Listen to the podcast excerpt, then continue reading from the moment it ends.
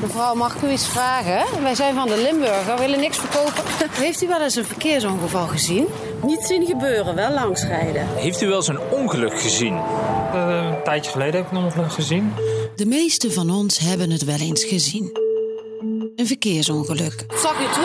Ja, iemand die met zijn hoofd door de voorruit zat. Alleen dat er twee auto's op elkaar zaten, dat is het eigenlijk. Een botsing tussen fietsers. Een botsing met een auto, scootmobiel of voetganger. Weet u wat er was gebeurd? Nee, chaos. Auto's, eh, ambulances, politieauto's, van alles. Chaos op straat. Ambulances met zwaailichten, politie. En soms, als het heel ernstig is, een wit laken. Het ongeluk raakt familie, vrienden en kennissen. De rest, de passanten, zullen het misschien hebben gezien, maar zullen het verder achter zich laten.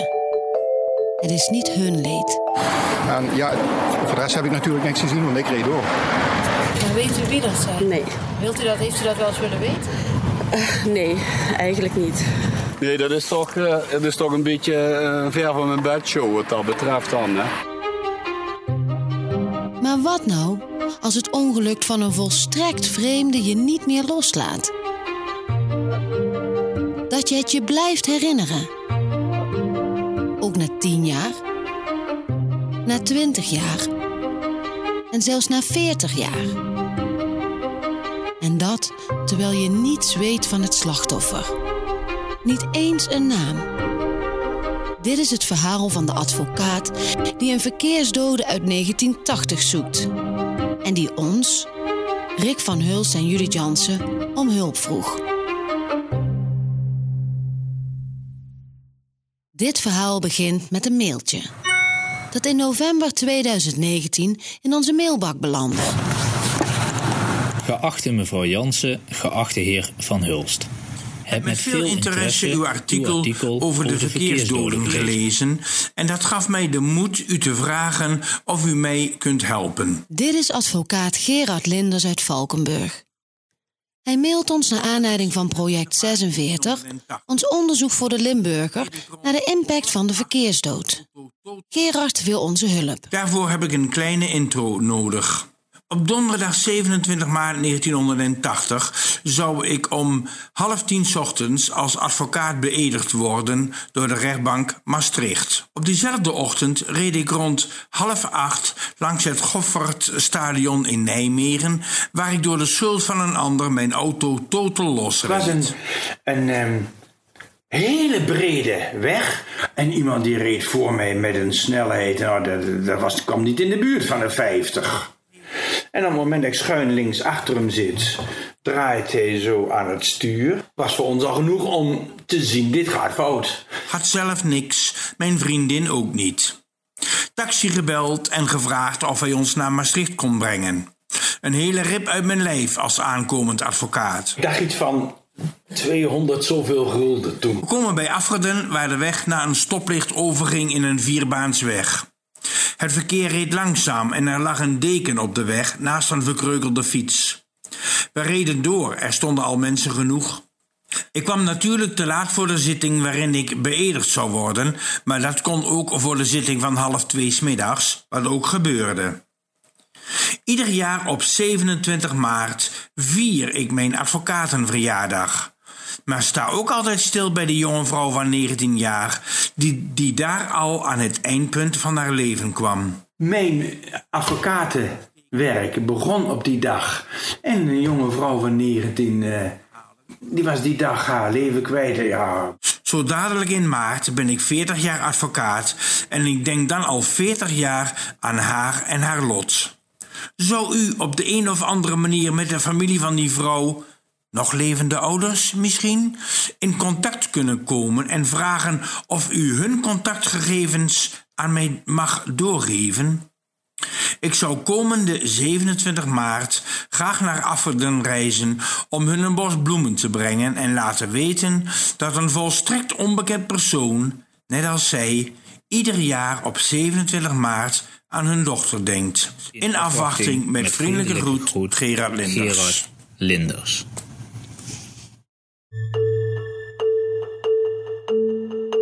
De mail bezorgt ons kippenvel. Gerard, die op 27 maart 1980 als toevallige passant het kruispunt bij Heijen overstak en daar een jonge vrouw dood op straat zag liggen. En dat hij nu, 40 jaar later, haar dood nog steeds niet heeft kunnen loslaten en de familie wil ontmoeten.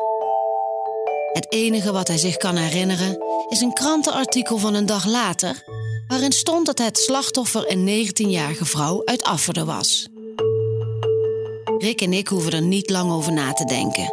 Natuurlijk willen we hem helpen. Beste Gerard. Met Gerard bellen en mailen we nog wat heen en weer. Hij vertelt ons het verhaal zoals je net hoorde. En we vragen hem Of u misschien het krantenstukje uit 1980 nog hebt. of hij zich meer details kan herinneren. Die ons mogelijk verder helpen. We horen het graag. Met groet Judith en Rick. Cent. Nee, is zijn antwoord. Hij weet echt niet meer dan dat het om een 19-jarige vrouw uit Afferden gaat. We beloven hem een poging te wagen. Maar waar begin je?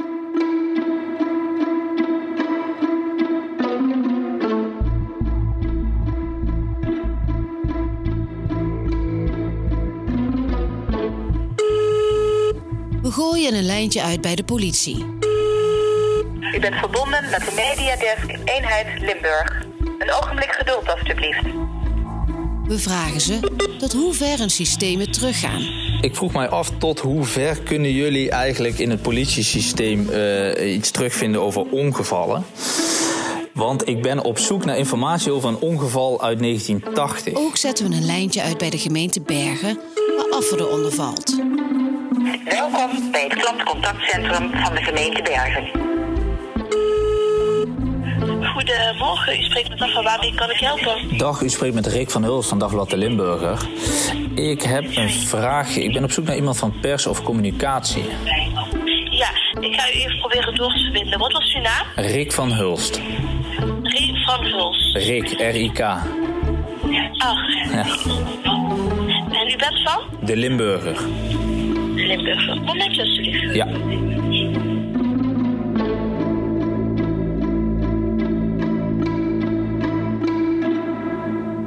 Goedemorgen, communicatiegemeente Bergen. Dag, u spreekt met Rick van Huls, Dagblad de Limburger. Goedemorgen. Ik eh, heb een vraagje over het volgende. Eh, ik, eh, We leggen ons verzoek neer bij de woordvoerder. verkeersproject. We vertellen haar over onze zoektocht en dat we met ieder snippertje aan informatie zijn geholpen.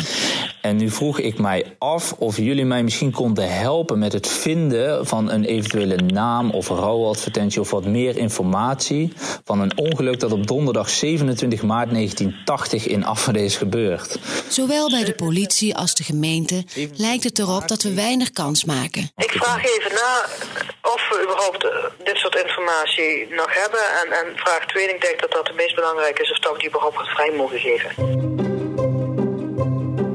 Een paar uur later blijkt dat we van zowel de politie als de gemeente geen informatie kunnen krijgen omwille van de privacywet.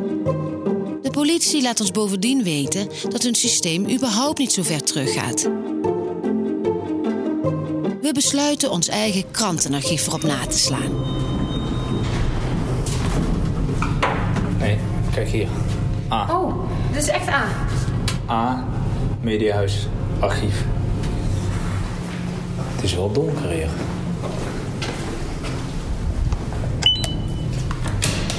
Maar ook hier stuiten we op niets. Ook hulp van collega Han Brinkman, bij wie je tegenwoordig moet zijn bij de Limburger als je wat wil weten over het archief, levert niets op. Omdat we Gerard hebben beloofd hem op de hoogte te houden, bellen we hem nog eens. Misschien heeft hij zelf in de tussentijd wat ontdekt, waarmee hij ons verder kan helpen. Linders, goedemiddag. Dag, goedemiddag eh, Gerard, met Rick van Hulst de Als we hem bijpraten, komt Gerard zelf nog op een idee. Goedemiddag. Als niets werkt, wil hij zelf op 27 maart naar Afferden reizen. Ik een paar uur met een sandwichbord loop, dan ben ik benieuwd of mensen mij aanspreken dan. Gerard wil wel door het centrum van het kleine Afferden gaan lopen met een sandwichbord, in de hoop de nabestaanden zo te vinden. Maar die moeite lijkt Gerard bespaard als een paar weken later mijn telefoon gaat.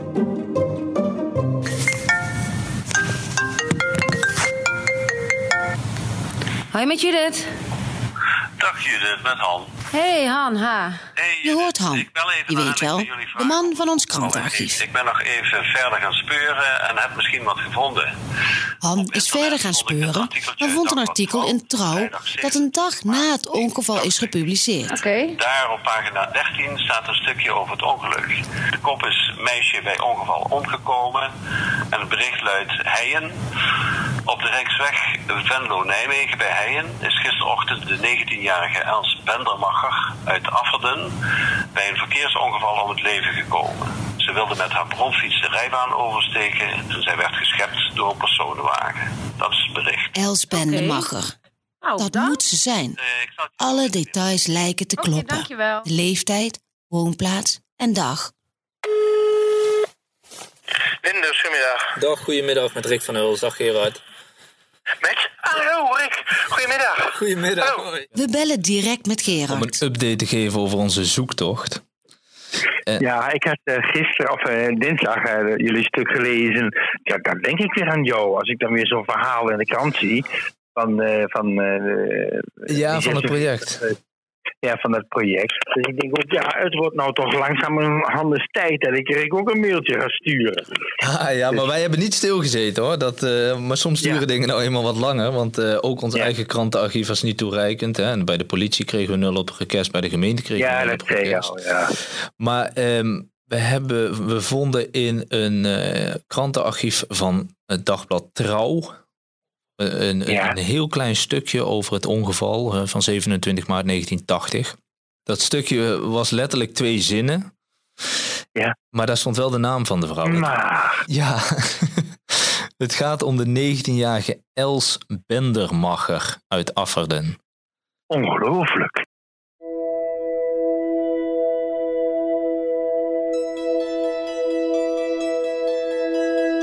Els Bendemacher. Nu we een naam hebben, gaan we op zoek naar haar familie. Op internet vinden we een bitprintje van Els. En we komen erachter dat de familie Bendemacher in Afferden een echte Rabobank-familie is. Els vader, Harry, was lange tijd de directeur van de Boerenleenbank in het dorp. Het bankkantoor zat vast aan hun huis. We komen erachter dat Els de jongste was in een gezin met vier kinderen. Gerard wilde graag de ouders van Els ontmoeten. Maar helaas ontdekken we dat de ouders niet meer leven. Moeder Mia stierf in 2015. Vader Harry in december 2019. Net nadat Gerard zijn zoektocht begon. Een broer, zo blijkt als we het bitprintje uit 1980 naast de telefoonrits van nu leggen, woont nog in het ouderlijk huis. Dat is Wim. Hierin. Vanuit ons kantoor in Sittard reizen we af naar Afferden. Dit is het huis. Welk nummer? 32. Ja, daar staat het.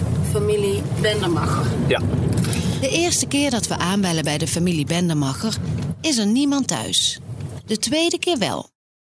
Op dinsdagavond, na een rit van een uur in de regen, staan we voor de deur. We horen dat de televisie aanstaat, maar de deur blijft dicht. Na drie keer bellen gaat de deur open. De vrouw, Irene Bendemacher, de vrouw van Wim, zo blijkt later, schrikt. Om zeven uur s'avonds doet ze liever niet meer open voor vreemden. We leggen ons verhaal uit. Wim komt erbij en later ook zus Riet, die in Siebegewald woont. We leggen ze de brief voor die Gerard ons stuurde. Op donderdag 27 maart 1980 zou ik om half tien als advocaat beëdigd worden door de... Dit is zus Riet. Op Ze is ontroerd als ze de brief van Gerard leest. Ieder jaar op 27 maart vier ik mijn advocatenverjaardag. Maar sta ook altijd stil bij de jonge vrouw van 19. Die daar aan het eindpunt van haar leven kwam. Net als voor iedereen aan tafel is het emotioneel om te horen dat er een totaal onbekend iemand al die jaren aan hun zusje heeft gedacht. Wim, Irene en Riet denken natuurlijk elk jaar aan Els. Op haar verjaardag en op haar sterfdag. Maar dat deze advocaat uit Valkenburg ook ieder jaar aan haar denkt, raakt ze. Vriendelijke groet, Gerard Linders. Ja, dus ik vind het heel frappant. Ik ook. Ja, ja ik vind het heel... Uh, heel bijzonder. Kippenvel, ja. ja. Ik vind het heel... Uh, ja. Dus daar sta je niet bij stil nee, nee, nee, inderdaad. Nee. Dat, uh... De bendemachers vertellen ons over Els. Ze was een ruige meid en ze ging al jong op stap naar concerten en festivals en soms zelfs liftend naar huis. en nog een keer toen uh, ging ze met een vriendinnetje dan naar Amsterdam of in Nijmegen, zei ze. En toen uh, belde de politie hierop. Stonden ze ergens ja, in Utrecht aan de autobahn. Moesten ze oversteken, stonden ze daar te liften. En die politie tegen ons man van... Ah, we kunnen je dochter daar zo laten gaan. En die wist nou niet. Het gezin Bendemacher was hecht. Els hield wel van een feestje. Wim weet nog dat hij Els een keer meenam naar een bruiloftsfeest van een collega. Als zijn vriendin. En dan gingen we met personeel gingen met een bus naartoe. Maar ik had toen geen vriendin, dus Els ging mee als mijn vriendin. Een poosje na haar dood hebben Riet en haar vader de kamer van Els opgeruimd. Haar vader vond een anticonceptiepil verstopt tussen de LP's. Onze ouders was aan de pil en dat was bij ons. Mm, en die had ze tussen de LP's. en niet alleen de pil vond vader Bendemacher op haar kamer. En weet je nog wel eens mij wat wiet roken. En toen vond onze papa zakje. En toen hoor je hier zijn, dan kun jij wel gebruiken. Els was vooral ook een zachtaardige vrouw, vertelt Irene. Ze kon heel goed luisteren naar iedereen. Die hoorde ook iedereen heel aandachtig. Ja, dat ja, en ook gedichten die ze mooi vond. En ze was tot over haar oren verliefd op een dorpsgenoot. Want toen kwam ze Rob tegen. En toen werd ze eigenlijk heel serieus, dat weet ik nog wel. Toen ging ze ook voor de nuts en sparen. En toen kochten ze samen dat Scirocco, weet je nog, dat ja. groene auto. En toen ging ze ook meer uh, jurken en rokken dragen. Na de dood van Els ging het leven al snel weer door. Twee dagen na het ongeval was de begrafenis. En op maandag ging iedereen weer aan het werk. Niet dat iedereen daar al aan toe was, maar zo ging dat gewoon in die tijd. Vader Harry sprak nooit over wat Els was overkomen. Hij heeft nooit willen weten wat er die ochtend precies gebeurde. De dader is nooit gepakt, maar Harry wilde er ook nooit iets over horen, zeggen Wim en Riet. Ja, maar het was ook een beetje een binnenvatel, denk ik. Ja. ja. Kijk, en, en hij werkte hard en hij, ja, hij had het altijd druk eigenlijk. En, ja. Ja, maar, ja. maar hij had ook wel eens, uh, dat, dat, hij, dat hij zat te huilen in een auto, heb ik ook wel eens uh, gezien en gehoord en noem maar op. Moeder Mia sprak wel over het ongeluk. Met vriendinnen, haar zussen en de kinderen. En dan huilde ze. Hoewel ze ieder op een eigen manier rouwden, heeft de dood van hun dochter hun leven samen nooit verwoest. En Wim kwam er aan het einde van zijn vaders leven achter hoe diep het verdriet werkelijk zat. Harry was dementerende en vroeg hoeveel kinderen hij had. En dan zei ik, ja, je hebt vier kinderen. En dan noemde ik de namen, want ik was ook zijn, zijn zoon of zijn broer. Maar het was niet zo dat die man nog helemaal weg was, want dat, dat was eigenlijk niet zo. Want maar dan zei ik dan, en, en dan zei ik, Aals, ja, dan wist je dat niet, maar dan wist je dat niet. Maar mij zei ook eens een keer dat ik tegen hem zei, daar had ik toen veel verdriet van gehad. Ja, dat heb ik nog steeds.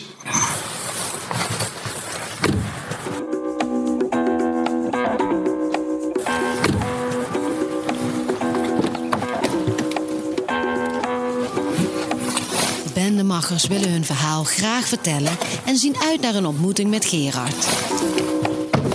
Op 17 maart 2020 is het zover. Bij de kerk in Afferden wachten we Gerard op.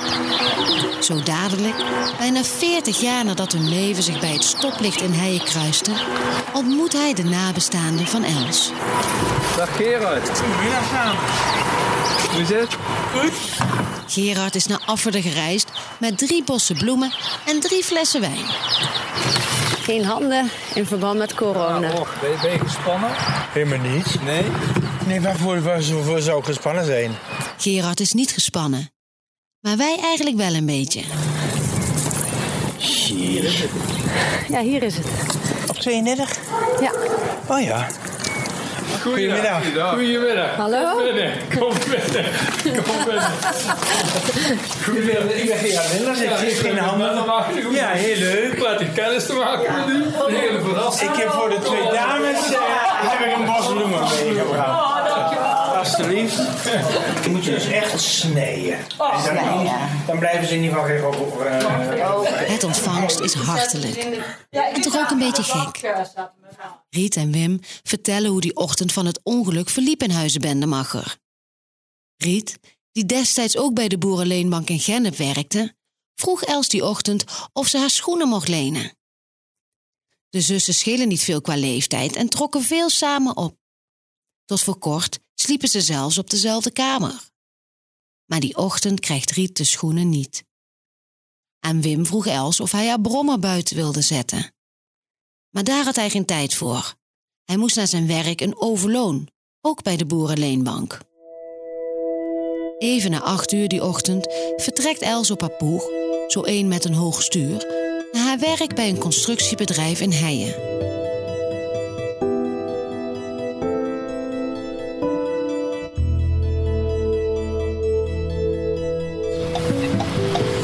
Precies is het dan gebeurd? Maar hier, zij steekt hier gewoon over. Als je plek is tenminste. Na een kop koffie en een stuk vlaai vertrekken we met de familie en Gerard naar het kruispunt. Jawel. Jawel, hier, als je daar dat kleine vluchtheuveltje ziet, dan zie je daarachter net een in inhammetje. Dus ik denk dat die fietsers zo kunnen.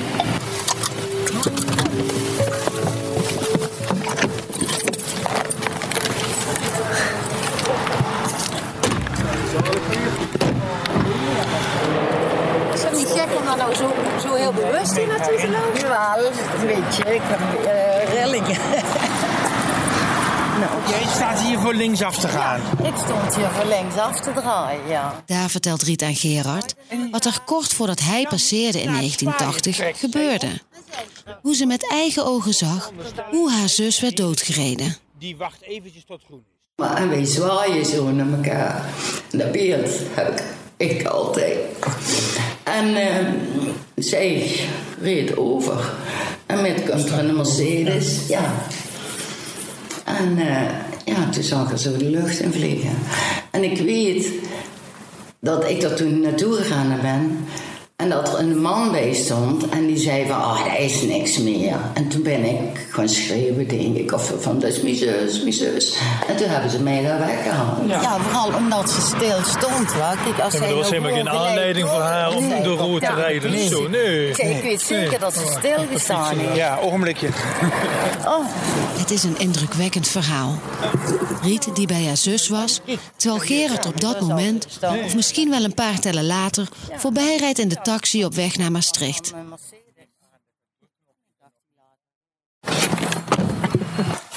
Na ons bezoek aan het kruispunt gaan we naar het graf van Els, waar Gerard een bos tulpen wil neerleggen. Wim heeft de bankafschriften van Els van het Zilvervloot sparen altijd bewaard.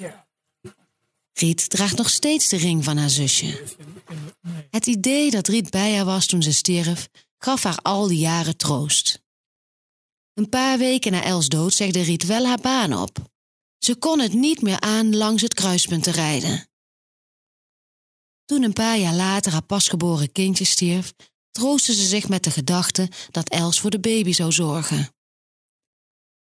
Eigenlijk is de dood van Els een wond die nooit meer is geheeld. Ik denk dat die wond nooit helemaal nee. heelt. Want net als toen jullie dan hierover belden, dan werd hij wel een stukje opengetrokken. Ja.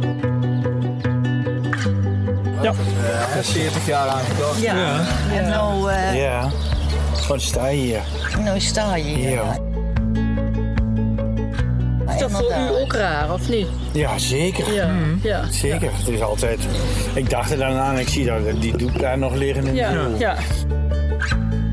Je luisterde naar het verhaal van de advocaat die een verkeersdode uit 1980 zoekt. Ja, ik heb het tegen hun gezegd van haar leven eindigt en mijn, werkzame leven begon die Ja. dag. hè. Ja. Ja. Deze podcast van de Limburger is gemaakt door Rick van Hulst en Judith Jansen. Ja, ja 40 jaar. Ja, dat is, ja. ja. Ik kan je eigenlijk niet voorstellen, zo'n periode. Hè?